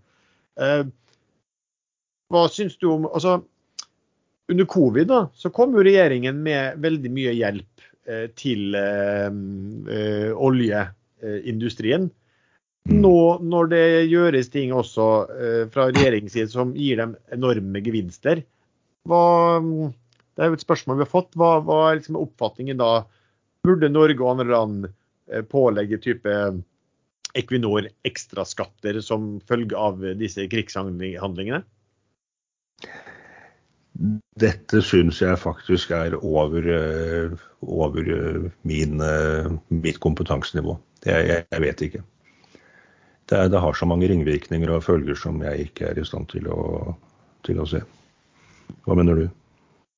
Uh, nei, altså det er jo et poeng at du, uh, når myndighetene gjør ting som gir hjem til skade, så måtte, så måtte de støttes. Og, uh, så, så, jeg ser jo altså du må jo prøve å Hvis du skal akselerere da, det grønne skiftet pga. det som skjer nå, at, i hvert fall i Europa, at du, du vil da ha komme deg fri fra mm, avhengigheten av, av gassleveranser fra Russland, så gir det jo mening at, du, at du må få finansiert det her på en måte. Og det gir jo meningen at de, disse som da, som da, har blitt de store krigsprofitørene, at de at gevinst derfra skal bidra til det. Det har jeg egentlig, i hvert fall på kontinentet, stor forståelse for. Men det kan jo være derfor Støre faktisk fikk noe råd fra gode rådgivere eh, til å øke til to milliarder. For da, da kan han argumentere med at Norge har allerede gitt av overskuddet. Men det er, en, jo en liten del av det Norge tjener ekstra som vi da faktisk gir. Ja. OK, skjer, her kommer det til å skje mye. Vi har faktisk en kanal inne på Ekstrainvestors chat som heter Ukraina. Den er faktisk veldig bra, for der er det mange som poster, og der kommer det mye informasjon nesten sånn fra minutt til minutt hva som skjer i den krigen, og hva man plukker opp av meldinger og, på Twitter og sånn også. Så den kan jeg anbefale for å holde seg informert om hva som foregår, og, hva ulike aktører uh, vurderer nå. Vi har fått et spørsmål om uh, supply-sektoren, som har gått som et kule de siste dagene. Altså, Den som har gått aller best, er jo da Solstad Offshore, som har hatt en uh, veldig stor sånn, gruppe som har vært uh, interessert i den. Altså, den var så senest på ved inngangen i Den sto i 6 Ja, var på 6,40 Eh, ved inngangen til eh, for, for, to måneder siden. For én måned siden. Litt, litt, over en måned siden var den på 6,40. Den står nå i 1870 i dag. Og Den har altså gått da 200% denne på, på, en, på en drøy måned. Eh, også CM Offshore har gått bra. Vi snakket om Doff som har gått bra. Alt har gått bra eh, innenfor eh, supply. Ja, altså Årsaken er jo at man eh, oljeprisen stiger, ikke sant? Eh, og man ser at man vil eh, Man trenger kanskje å få leveranser fra andre steder, mer sikre steder. Så, mm, så er jo det noe som, som tilsier at, at, det blir press på for oljeselskapene for å få en økt fremtidig produksjon. Ikke bare press, men det vil jo være, det vil være veldig lønnsomt. Um, og så ser man allerede fra før en viss bedring i denne som har vært en ekstrem utslått sektor i ti år, men det, det, der de hadde, altså, de hadde investert i alt, altfor mange uh, fartøy. Um, og så skal man huske på, som jeg tror jeg nevnte sist gang også, at det, det, er, det er, flere ulike områder innenfor dette her. Og, og um, innenfor um, supply, altså det er PSV-er som er sånn plattformleveringsskip. Uh, og ankerhåndteringsfartøy. Og så har du disse som ja, subsea-fartøy som, som, driver med, med sånn konstruksjonsarbeid da, i offshore. Og, og det, um, altså Markedet ser nok ganske ulikt ut for de tre segmentene, så det er veldig viktig å se hvilke områder man er i. Og så er det viktig å se hvilke geografiske områder man uh, måtte være i. Men altså, i, det, i det, vi ser da, i hvert fall på disse um, børsnoterte, er jo at det er innbakt allerede en forventning om ganske voldsom forbedring av uh, resultatene deres. Jeg satt og så, jeg har et sånt regneark, så det gjorde jeg at jeg lagde tall på eh, tallene deres for andre halvår i 2021.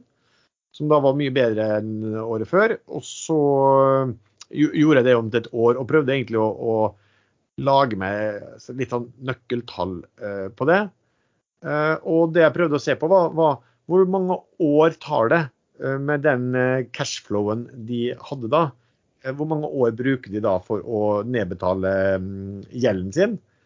Og, og, den var for CM Offshore, som vi snakket før, som egentlig best i klasse på nøkkeltall, 8,6 år. Solstad 40 år, faktisk. Mens Doff er jo ikke mer enn 13 år på å nedbetale all sin eh, gjeld. Eh, men så er det jo da sånn at eh, det er en del sånne ting her, bl.a. valuta, som gjør at de regnestykkene kan bli litt, litt, litt skeivere enn hva de er nå. Og så må det jo da nevnes at det er historikken. Hvis tallene hadde fortsatt som de var i andre halvår, så hadde det sett ut sånn som det gjorde nå. Men Eh, da er det jo sant, en åpenbar en stor forventning i eh, eh, markedet til de ulike selskapene om at det her skal bli bedre. Spesielt er det jo åpenbart at man har tro på at Solstad Offshore kommer til å levere ganske voldsomt mye bedre tall. For 40 år nedbetalingstid, det er jo, da er det jo Ja, det er jo ikke, det er jo ikke mulig. Så, men man, og, og Solstad var jo litt interessant. De kommer faktisk med tall som var åpenbart dårligere enn hva Eh, folk eh, trodde. Den falt vel ned på titallet, den kursen her da, men den er altså tilbake igjen på 18 nå. Kort tid etter. Men Så spørs det jo hva som er eh, reell kursøkning i de selskapene, og hva som eventuelt er såkalt pump and dump. Det, det, er jo ikke enorm omsetning i noen av disse selskapene, så vidt jeg fikk med sist jeg sjekket. I... Det er faktisk det. altså. Jeg tror en dag så var Solstad Offshore i hvert fall blant de ti mest omsatte på, på børsen. Se i dag hva som er omsatt for i dag der. Um, jeg tror ikke det står 36 millioner på Soff i dag. Jo, så det er, det er, høy omsetning, men det er eh, Når disse pumpen dumpene foregår, så er det da bots som settes inn, og det går enorme Det blir enormt volum av at det går litt opp og litt ned hele tiden. Så det, det er ikke så veldig mye det er ikke så veldig vanskelig for de som sitter med 100 millioner kroner å leke seg med én aksje på én dag. Det er ikke så mye som skal til for de klarer å pumpe omsetningen ekstremt opp. Men noen av de nøkkeltallene skal jeg ta og legge ut på ekstrainvestor i de kanalene som går på de selskapene. Og så har vi en gruppe som heter Børsforum på Facebook også, som skal poste det der. Men eh, det var noen som ble litt eh, sur på meg for at jeg, for at jeg la ut de tallene. Eh, som om det skulle være noe, og at, at det var, innebar noen, bare noen form for kritikk. Nei, det bare viser hva statusen var på eh, tallene eh, som ble presentert sist. Og da kan man jo selv også ganske enkelt vurdere eh, hvor mye man tror de resultatene vil bedre seg i, eh, i framtiden. Da. Ikke sant? Kan du ikke bare holde opp den plansjen her nå, så ser vi den alle sammen? uh, skal vi se hva andre spørsmål vi har fått der. Vi har fått uh, Si at det kommer brå slutt på krigen plutselig. Hva skjer med oljerelaterte da? Med oljeprisen er det ikke sikkert det skjer noe som helst. Eh, det er sikkert et dropp med en gang, men det er jo åpenbart underskudd på oljemarkedet. Så ja, jeg vet ikke. Det er eh, Hva heter hun fra Arctic? Jeg eh, mener det var fra Arctic eller Pareto i går. Hun, hun blir relativt unge. Hun hun mente at eh, det å sitte og håpe på at oljeprisen skal rase nå, det, det, blir feil uansett. Fordi det produseres for lite og etterspørselen er høy. Men med oljepris på 112 kroner og kanskje la oss inn sikkert 150, så vil det jo helt automatisk bli plutselig reduksjon i, i forbruket. Det, det, skjer jo alltid ved sånne enorme prisutslag. Da velger man å og ikke bruke bil den dagen, og transportselskap finner andre løsninger. Kanskje ting flyttes over på tog isteden osv. Så, videre. så Så det er en selvregulerende funksjon i etterspørselen eh, i forhold til pris. Og så er det jo sånn at, eh, som jeg nevnte før, Det var vel en av disse legendariske oljetrederne som sa det at eh, oljeanalytikernes estimat på framtidige oljepris fikk sauer til å framstå som særdeles intelligente. Uh, og det er jo litt at, ikke, ikke noen nedvurdering av de, men her, det er så mange momenter da, som kan spille inn som er så vanskelig å, å anta. Uh, ikke minst geopolitisk også. Sånn, ikke sant? Du kan få Iran inn og alt der. Så kommer det en brå slutt. altså uh, Ja, den vil jo sikkert oljeprisen falle litt, men, men eh, insentivet for å, at man må ha kanskje en økt oljeproduksjon i en del land eh, framover, vil jo ligge der eh, uansett. Men jeg tror hvis vi spår på det, så ender vi opp med å bli like mye sauer som de andre som har eh, prøvd det.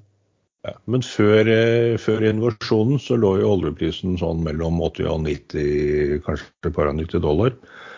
Eh, og ble tydelig påvirket hver gang eh, noe tydet på at Iran-samtalene, eh, nuclear deal, gjenoppstart av atomavtalen med Iran vil bli reaktivert. Og alt jeg leser nå, det er at hver eneste dag nå så kommer det nærmere en avtale. Og nå er det jo begrenset hvor mye mer olje Iran vil klare å selge på det åpne markedet enn de allerede selger på det svarte markedet og gråmarkedet til Kina og India og sånn i dag. Eh, men eh, Litt forskjellige tall, men mye tyder på at de faktisk vil klare å øke til rundt 6 millioner fat produksjon i løpet av halvannet til to år.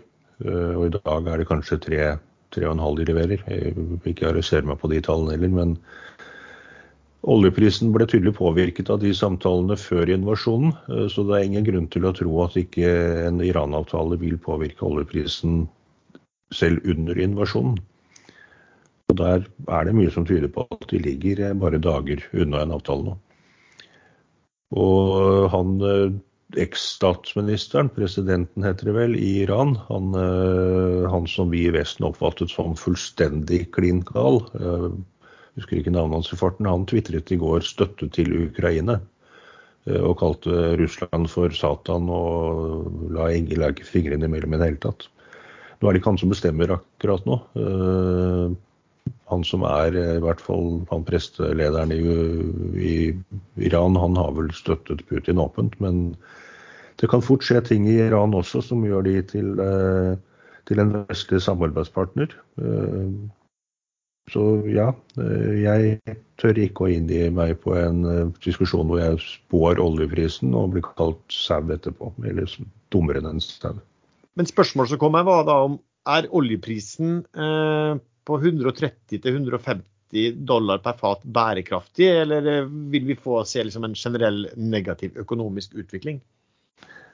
Hvis man ser på forrige gang oljeprisen gikk til 50, jeg tok den øvelsen her eh, i går. Skal bare gjennompriske hukommelsen. Eh, det er jo ikke så altfor mange år siden. Det var i 2008. Begynnelsen av 2008. Da gikk oljeprisen til 143 eh, 140 Skal vi si High. Eh, ja, Nesten 150 dollar. 147,50.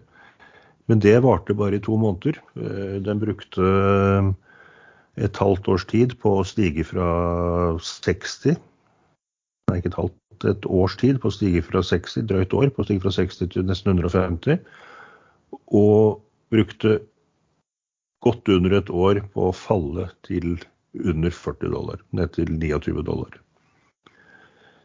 Så eh, det er mye som skjer når oljeprisen blir for høy, når det ikke er eh, bærekraftig. Eh, da er det mye som omstilles, og det er klart det er alltid mange andre faktorer som spiller inn også. Men historisk sett så ligger nå oljeprisen helt oppå de høyeste nivåene den noensinne har vært. Shale vil jo altså Shaleolje i USA må jo nesten anta det. Nå øker det jo det hele tiden antallet rigger der, da. Men ikke sånn voldsomt. og, og men altså, det, det, må jo være ekstremt fristende for de som har en ganske kort payback på det. Eh, det må jo være ekstremt fristende for de å eh, hva skulle de, selge, selge oljen eh, på, på future-kurser og, og, og, så båre som bare juling. Det er klart, men uh, Shale har jo alltid det problemet at uh, etter en boom, uh, og når de da plutselig reduserer boring av nye brønner kraftig, så forsvinner jo de som jobber der. Og det er ikke bare bare å raske sammen et team som skal bore en brønn og gjøre alt riktig. De har det vist seg gang på gang. Og I tillegg så har vel industrien lært en del av hvordan det går når de satser altfor høyt. Da blir man plutselig brennende inne med, med høye kostnader og, og lavere oljepriser. Så Denne gangen virker det som at de, at de gjør det mer fornuftig enn tidligere. Eh, men det er vel et par uker siden allerede så leste jeg at, at shale oil-produksjonen i USA har steget med over en million fat på relativt kort tid. Ja da, og så de, de kommer nok til å gjøre det, men eh, spørsmålet blir hvor kraftige. Altså Om oljeprisen på 130-150 er bærekraftig altså Før ville det vel kanskje ikke vært det, men nå har det vel blitt sånn i samfunnet at, at hva skal du si, hvis du andre, jeg vet ikke om du måler energibruk i forhold til BNP, eller et eller annet, så, så vil jeg tro at oljeprisen betyr mindre nå eh, for folk enn hva det gjorde eh, før. Eh, men klart, det, det handler vel kanskje mer sammen om at det, det som skjer nå hvis oljeprisen er oppe altså Det er ikke bare oljeprisen som går, da. Du du har jo en råvareoppgang på alt. Ja, eh, der kom vi jo etter hvert inn på Rana gruver som vi snakket om. Jeg sjekket akkurat uh, verdens uh, fem største jernmalmprodusenter. Det er selvfølgelig da Kina ligger på topp. Med 900 millioner tonn i året, er det vel. In, nei, ikke Kina, det er Australia på topp. og så har du Eh, Kina på nummer to med ca. halvparten, men Russland produserer nesten 100 millioner tonn i året, og Ukraina faktisk 62 millioner. Eh, så de to landene til sammen produserer over 150 millioner tonn i året, og verdensproduksjonen er på rundt 2,5 millioner tonn. Så det er en betydelig andel jernmalm som nå forsvinner fra markedet så lenge den krigen pågår og sanksjonene pågår. Uh, Rana Gruver er vel noe av det mest veldrevet jernmalmselskapet i hele verden. Og den kursen har jeg ikke sjekket, uh, bortsett fra at jeg ser at den ligger rundt 60 nå. Den var jo nede på 40-tallet for noen, ikke så mange dagene siden. Så det tror jeg faktisk Jeg har den ikke selv, men det er en aksje jeg sitter og stirrer på hver dag. Spørsmål på den, de vel, altså, Med jernmalm så er det vel slik at uh, altså den største eh, forbrukeren da, um, altså som, som, importerer det, er jo, er jo, Kina. Og Kina har jo en, en eiendomssektor som vi har snakket en del om, som ikke akkurat uh, er, i, er, i, lysende framgang, for å si det sånn. Så det er jo spørsmål også om, om, du kan få litt lavere etterspørsel her. Ellers så, så, er det også interessant med, i forhold til disse råvarene. Jo, altså en ting er den biten, men du har også en sånn følger. da, fordi at eh, Det skal jo faktisk transporteres, disse båtene. Eh, og du har jo da det du ikke får da, du, du må jo da få laster fra andre steder, så du kan påvirke eh, de ulike shipping-segmentene. Så kan du altså påvirke eh, etterspørselen, eller hvor lang reisetid det vil være på en last. ikke sant? Og det kan jo mm. være at eh, det er jo en del innenfor de ulike mm, shippingsektorene hvor det er russiske eller russiskeide fartøy. Eh, og de får jo ikke lov akkurat nå, i hvert fall mange steder, til å, eh, til å frakte noe som helst. Så, så, du kan få innenfor ganske mange, ikke bare råvarene, men også det som ligger rundt der da, på, på selskapene som er avhengig av det som innsatsfaktorer eh, og eh, transport av det og sånn, så kan du få ganske mange ulike typer eh, hensynet. Så f.eks. Yara i dag også, som hadde eh, som innsatsfaktorer, så var de avhengig av eh, kjøp fra to store, i hvert fall to store leverandører i dag som begge var russiske, eide oligarker. ikke sant? Eh, så selv om det ikke var forbudt ennå, så, så blir jo sånne ting et spørsmål også. Eh, halvledere også, de har også, bruker også råvarer som de får fra der, der, Kina og, nei, Russland og Ukraina begge store eh, leverandører også. Så, så, du får en veldig sånn stor usikkerhet, ikke bare på energi, men egentlig på, på, på råvaresikkerhet også. Så, du, så, så, det her er, leder egentlig bare til neste spørsmål da, som vi har fått. Eh, hva skjer nå med rentenivå og inflasjon?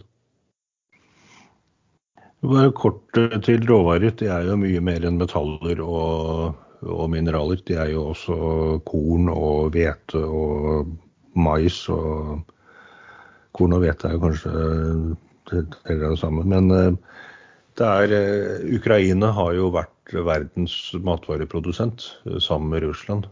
Brasil vel delvis òg. Så det er enorme mengder som nå faktisk faller helt bort. Og Kina har vært en stor importør av dette. Hadde ikke Kina vært så stor importør av, fra, av, ting de trenger fra Ukraina, så hadde de garantert valgt russisk side helt åpent for lenge siden. Det har de ikke gjort. Så jeg tror vi skal være glad for at Ukraina faktisk har hatt den rollen. OK, neste spørsmål var Ja, Svarte du på det med rentenivå og inflasjon? Nei, nå har jo lange renter gått kraftig ned. Jeg følger ikke så veldig nøye med på, på det. Eh, men det kan jo tyde på at eh, renteøkningene de forventet i USA blir utsatt igjen. Og det er vel 100 ting som kan skje de neste tiårene som gjør at dette bare blir utsatt og utsatt. At vi kommer til å ha et lavrenteregime i lang, lang tid. Powell innrømte, at, innrømte jo at eh, sentralbanken har vært for sen med å stramme til. Ehm, men samtidig så er det akkurat det, det her har skjedd en uro her har jo skjedd at det blir en uro for at ok, kan dette medføre at du får en økonomisk nedgang?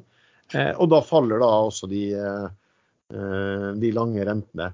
Men motpunktene er jo selvfølgelig også at du, en del aktører er jo redd for at dette kan innebære kraftig økt, økt inflasjon. Du hadde jo allerede inflasjon pga. økte energikostnader, og de stiger ytterligere. Og eh, du hadde allerede økte råvarekostnader ellers, og de stiger nå også ytterligere. Eh, og alt dette her slår jo gjennom og inn i økonomien eh, etter hvert. da. Så, du, så, så, sjansen for at du kommer i det, det de kaller for stagflasjon, begynner vel å øke ganske mye. At du kanskje får litt sånn stagnerende vekst mens du har høy inflasjon. Det er vel noe kanskje man syns er det vanskeligste. Men, men jeg så også noen signaler på at man begynner å diskutere ja, men hvis man får inflasjon på sånne hendelser som nå, bør man da sette opp uh, renten for å stoppe det? Så du kan få, at man bare utsetter og, og, at man har et lavrente eller uh, mer lavrenteregime enn man ville ha, uh, selv om inflasjonen er høy. Men vi må også se litt framover, og før eller siden så vil jo den Ukraina-konflikten være avsluttet på den ene eller andre måten. Ehm, og hvis den blir avsluttet med at eh, Putin taper dette, så, så vil det bli behov for enorme oppbygninger, gjenoppbygninger i Ukraina. Så det, det, er så mange faktorer som spiller inn eh, hvordan økonomien går og, og, vekst. Eh, tiden etter andre verdenskrig var vel en av de største vekstperiodene verden har sett. Så vi fått et spørsmål her. Det egentlig, eh, Sven svarte en del i forrige episode om uh, hva, hvilke vurderinger han gjør før han kjøper en aksje. Um, Erlend, hvilke vurderinger gjør du før du skal kjøpe en aksje? Sven er enkel. Han finner ut hva er det mest umoralske jeg kan gjøre nå, og så gjør han det.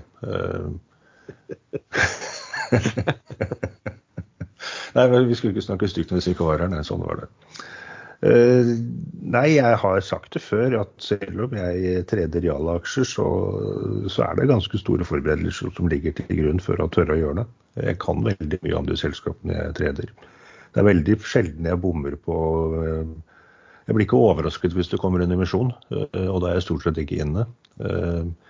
Utbytte er ikke noe jeg bryr meg om i det hele tatt. Eh, det kan man også trade rundt. Det er ikke gitt at det er en fordel å sitte over utbytte i en aksje. Ofte så er det en fordel å selge like før. Får man allikevel mest oppgangen. Men det er, det er, så mange sider, det er sånn fintreding som jeg ikke gidder å bruke tid på. Jeg leter etter de aksjene som kan ta tosifret, siste, eller helst enda mer antall prosent på relativt kort tid. på en tryggest mulig underliggende, underliggende situasjon. Eh, og da er eh, emisjonsbehov og konkursfare det aller viktigste tingene jeg ser etter. Og de verste aksjene det er jo disse restruktureringsaksjene som i prinsippet så er det jo konkurs når de vil restruktureres, men de klarer likevel å redde det, og da har man den vakuumtradingperioden imellom. Så det er nok veldig utradisjonelt i det forholdet til mange andre. Men de som prøver seg på sånn type trening, må ikke tro at det bare er å se på eh, eh, en aksje en dag og hopp, hive seg inn og tro at det går bra. Det går dårlig i 99% av tilfellene. Man må kunne de selskapene veldig godt. Her er et spørsmål om analytikere. Hvilke analytikere treffer best med sine analyser, og finnes det en oversikt over det? Um, ikke det jeg kjenner til i Norge, i hvert fall. Uh, så da blir det alltid da blir det vanskelig å, å vite. Uh, og så er det spørsmål treffer best med sine analyser. Det vil, det vil, ofte bety for folk at de treffer med sine kursmål. Uh, men det er ofte, det, er ofte sett, satt ganske vilkårlig. Jeg vil si at Det beste er å se om de faktisk treffer med sine estimater. Når de sier at det og det selskapet skal tjene det og det, de og de pengene om to år, så er det interessant å, å sette om de faktisk uh, gjorde det. Da. Så det finnes ingen oversikt.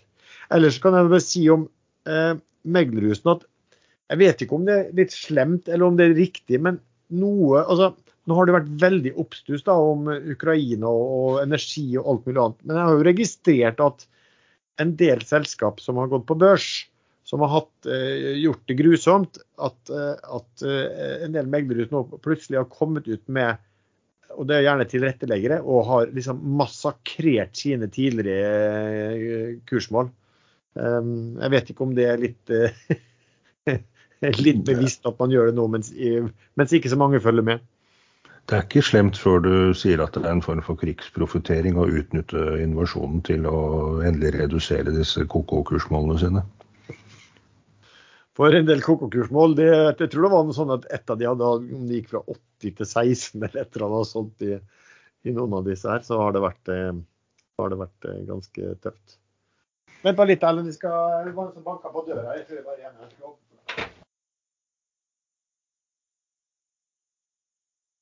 Ja, nå glemte jeg, jeg kan jo sitte her nå og baksnakke Lars når han uh, tar en pause. og Håper at han ikke husker å klippe bort dette her. Uh, ja, da kommer jeg tilbake. Ja, jeg, jeg, jeg satt her og slappet av for meg selv. Jeg sa ingenting. Eh, kan bare ta med én ting til. Eh, den delen av sanksjonene som Russland garantert ikke hadde ventet seg, var at eh, alle verdens store selskap legger ned. Alt trekker seg helt ut av Russland. Ikea legger ned nå alle filialene sine. Det er rundt 15 000 ansatte som blir berørt, som ikke har jobb lenger. Eh, Apple eh, legger ned. Eh, og den listen er jo ekstremt lang. Spotify sa at de stenger alt de har i Russland. Så dette kommer til å Det treffer dessverre russiske privatpersoner som ikke bærer noen skyld i den konflikten, uansett hva de måtte mene om den. Fordi de får veldig begrenset informasjon. Så man kan ikke straffe sivilbefolkningen, men her er det snakk om å fortest mulig lage et press mot Putin som blir så stort at han, at han forhåpentligvis blir styrtet fra innsiden. Så da blir det sånn. Og så vil jo alle disse selskapene selvfølgelig gå inn igjen eh, den dagen eh, eventuelt det skulle vært et regimeskifte eller eh, Putin kryper til korset, men det vil han ikke gjøre da. Det var en sånn journalist som Eh, en ganske kjent journalist, jeg husker ikke hva hun het igjen, men hun påsto hun hadde gode kilder i, liksom, høyt i, i, administrasjonen i Russland og blant oligarker. Hun påsto at liksom, tilbakemeldingen der var at de var sjokkert. da, eh, At de selv visste jo ikke at, at målet var liksom, å angripe hele Ukraina. Eh, de trodde at det var først og fremst skremsel med at de kanskje gjorde litt i Øst-Ukraina. Det var det ene. Og så var de helt sjokkert over og mente det at det var Putin også. Helt sjokkert over hvor tøffe um, Vesten, Vesten hadde reagert på det. Eh, så, men så var det vel sånn, sånn at det eneste altså, eh, i, i, at eh, Men hvis du opponerte deg, da, så fikk du jo sparken. Eller, eller det ble vel sagt at du Nei, du fikk vel ikke bare sparken, men du ble også sparket rett i fengsel. Så, de var, så det sier kanskje litt om regimet, det også. OK. Um, har du noen Skal vi ta hva, om du har noen favoritter for uken som kommer? Ja. Øh, jeg hadde en litt sånn personlig nær opplevelse med øh, denne konflikten i går. Øh, min gamle mor flytter akkurat nå, jeg hjelper henne, og da var hjemmehjelpen hos henne da jeg kom for å hjelpe henne. Og hun snakket, eh, prøvde å fortelle en del ting, og jeg skjønte ikke alt hun sa, så jeg hørte på dialekten at hun var østeuropeisk. Jeg spurte om hun var fra Latvia, for det har vært en del hjemmeløper som har vært. Så sa hun at hun var fra Russland, og da sånn helt instinktivt, instinktivt så la jeg da uh, hånden på skulderen hennes og sa men stakkars deg, da. Og hun ble sinna, gitt. det var ikke synd på henne. Det var Nato og Biden av Vesten feil informasjon. Det var Putin som hadde gjort alt riktig.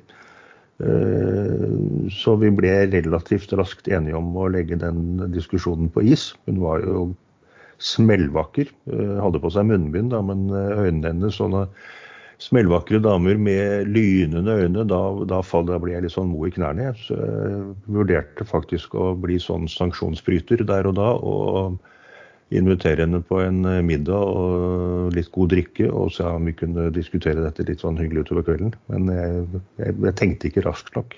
Sånn, var, sånn varmhåndspåleggelse fra eldre Henriksen. Det høres ut som sånn litt sånn grisete gammel prest som eh, ja. Ja, nei, men jeg, det, det, det, kan sikkert noen onde tunger påstå, men det var, det var, faktisk velment. Jeg tenkte ikke nødvendigvis på stakkars henne som russer, men som stakkars henne som er russer i Norge nå. Det var liksom det underliggende i hodet mitt. Men jeg, jeg tror ikke jeg streifet noen andre kroppsdeler på veien opp til skulderen hennes heller. Så, så det, var, det, var, rent politisk reaksjon fra henne. Men er det ikke et interessant sånn reaksjon på, på det sånn, sånn, confirmation bias? Altså hvor både i livet for øvrig og i aksjemarkedet, at hvor det du vil skal være sant, det er kun den informasjonen da du, eh, du tar til deg. Altså hun, hun som da i Norge, hun må jo ha tilgang til all informasjonen som vi ser også. Eh, og likevel ja, benekter du, ikke sant?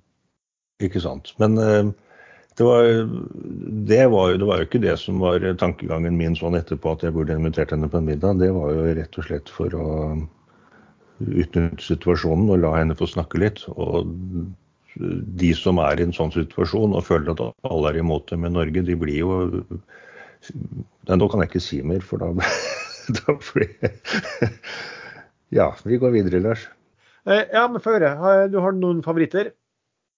Nei, jeg har jo favoritt og favoritt. Jeg har en trade gående i Doff nå. Akkurat nå ligger den 40 øre i pluss, og det er jo 50% ca. Så det kan man jo ikke klage på. Eh, Rana har jeg ennå ikke kjøpt. Rana gruver, eh, jernmalm ekstremt veldrevet. Eh, kursen startet vel rundt 40 da den kom på børs for ikke så veldig lenge siden. Gikk opp i nesten 70, og så falt den ned igjen til lavt 30-tallet, men har da nå de tre-fire siste månedene nesten doblet seg igjen. Nå ligger den på, på, på 58, ikke doblet seg, men 70-80 opp. Eh, det er jo jernmalm, og når det plutselig forsvinner 150 eh, millioner tonn eh, fra Russland og Ukraina, som er en rundt 6-7 av verdensproduksjonen, så vil det merkes. Og før eller siden så vil det kanskje bli en gjenoppbygging eller veldig store utbygginger av ting i Vesten som vi tidligere har ikke hatt behov for fordi vi har importert fra Russland. Så jeg tror eh, etterspørselen etter råvarer og prisene vil bare gå opp og opp i ganske lang tid framover. Så det kan være en sånn perfect storm og en god inngang å kjøpe den nå under 60 kroner. Um, ellers så følger jeg med på Onko Septides. De ligger nå på 9,11, og da var det ikke så dumt å selge på over 9,50.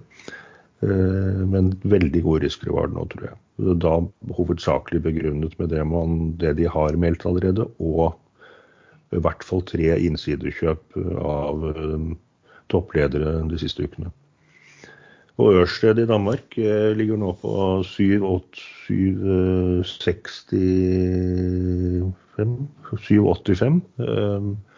Jeg solgte på 7,50, men jeg kjøpte jo de første på 710, tenker jeg. 720 var det kanskje. Og så gikk den opp til 860. Og at disse tiltakspakkene for å både bygge mye mer og mye raskere eh, vindparker eh, vil bli drevet gjennom, det er helt sikkert. Men akkurat den aksjen har jeg litt lyst til å være sikker på at ikke de ryker på et gigantisk erstatningsansvar overfor sin russiske motpart. Da er det danske parlamentet helt nødt til å erklære gassimport for, forbudt fra Russland til Danmark. Da vil det bli force majeure, og da slipper de helt unna. Men jeg visste faktisk ikke at Ørsted var en enorm gassimportør fra Gazprom før etter at jeg hadde kjøpt, så der gjorde jeg litt dårlig jobb da jeg kjøpte. OK. For min del så Altså, nå er det jo sånn da i markedet at det skjer så mye og det er så stor uro at det er nesten vanskelig å, ha, å nevne hva man har som favoritter i en uke. Altså det, det, det, skjer hele tiden som gjør at plutselig er det noe som framstår som en eh, gode kortsiktige kjøp og andre som eh, noen ting som man skal komme seg ut av.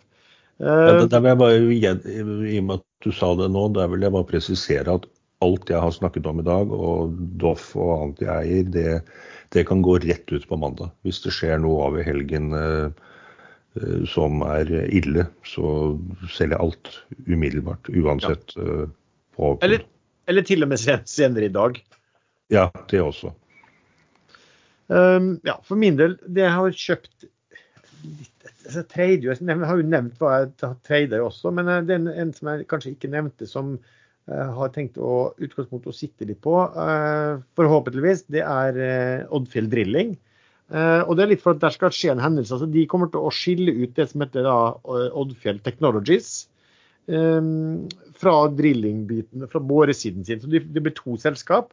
Og de, de aksjene da, i det utskilte selskapet Oddfjell Technologies de blir delt ut til aksjonærene. Du får aksjer i et nytt selskap da, som, som, et utbytte. Og det selskapet skal da noteres i, på Oslo Børs i løpet av mars. Um, og da kan det godt være at, at, du får to selskap for en rendyrking, pluss at du får en, en, si, en type utbytte. Ofte før har du sett at det har gjort at hva skulle si, summen av de to da ble, blir større enn en, en hva aksjen var verdt i, i forkant. Uh, så den har jeg tatt litt av på den uh, hendelsen der. Jeg eh, har faktisk en høyt på watchlista mi også denne Onkopeptides. Det har jo vært veldig fint før. Og så er det interessant at, eh, at eh, ledelsen kjøper i en sånt selskap. Jeg hadde håpet at den skal få litt mer smell nå, bare generell markedssmell nå. Uh, Annen som står på watchlisten min, er mm, Africa Energy. fordi at det er gjort noen helt enorme funn, som det ser ut til i Namibia. Uh, lenger nedover kysten der så har jo da Africa Energy en, eh, en uh, andel i en blokk også. Nå er det et godt stykke unna, men jeg vet ikke om det regnes på samme basseng eller hva man tenker på det. Men der har det, har vært problemet med at de ikke har, har fått en rigg klar. Men der skal det nå være inngått avtale med et selskap, sånn at den skal bores en rigg der, eller bores en letebrønn i det området innen innen uh, oktober i år. Samt at Africa Energy er med sammen med Total på et sånt enormt gassfunn uh, utenfor uh, Sør-Afrika. og gass er nok et sånt tema. og gassleveranser fra, fra anstendige regimer, det, det, kan nok fort bli et, et, et tema framover. Selv om klart, det ligger ganske langt fram fra du har gjort et funn til, til du får bygd ut og begynt å, å, å, å levere, levert noe sånt. Uh, ellers så en, en aksje som nevnt før som jeg ser på som også uh, bør kunne nyte godt av alt det som skjer, er jo, er jo Aqualis, som jo er konsulentselskap innenfor olje og gass, og som også nå har fått en ganske stor sånn fornybar bit.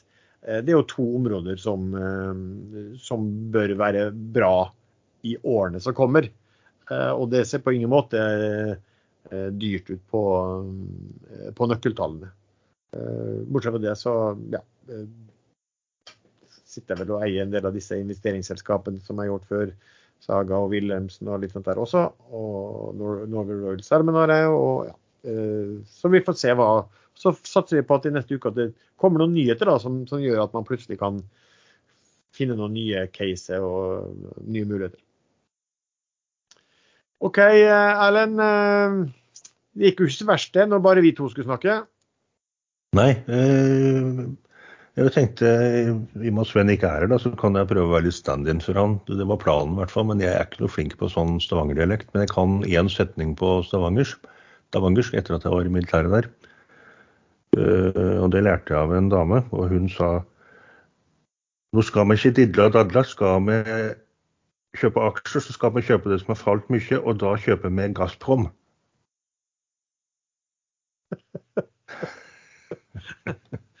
Men ikke, hørtes jo mer ut som hun kom fra Sørlandet enn fra Stavanger. Ja, jeg er ikke noe flink på dialekter. Det, det er ikke min styrke. Men sånn, eh, sånn eh, måten du sa det på, det var nesten som å høre Sven. Ja, var det ikke det? Ja, litt, du la på en litt sånn feminin eh, stemme. Litt feminin, ja. Det var det jeg prøvde på. Ja, ja, nettopp. Nei, men han koser seg på hytta, han. Vi skal ikke ta fra han den gleden der oppe. Det gjør han. Så da får vi håpe at han koser seg veldig når han hører på denne episoden også. Eh, Da takker vi så mye til deg som har lyttet på denne episoden. Eh, Du finner oss eh, inne på Ekstrainvestor på chatten der. Vi har også en egen gruppe på Facebook som heter podkasten Aksjesladder. Musikken er som vanlig laget av sjazz.com, og vi høres.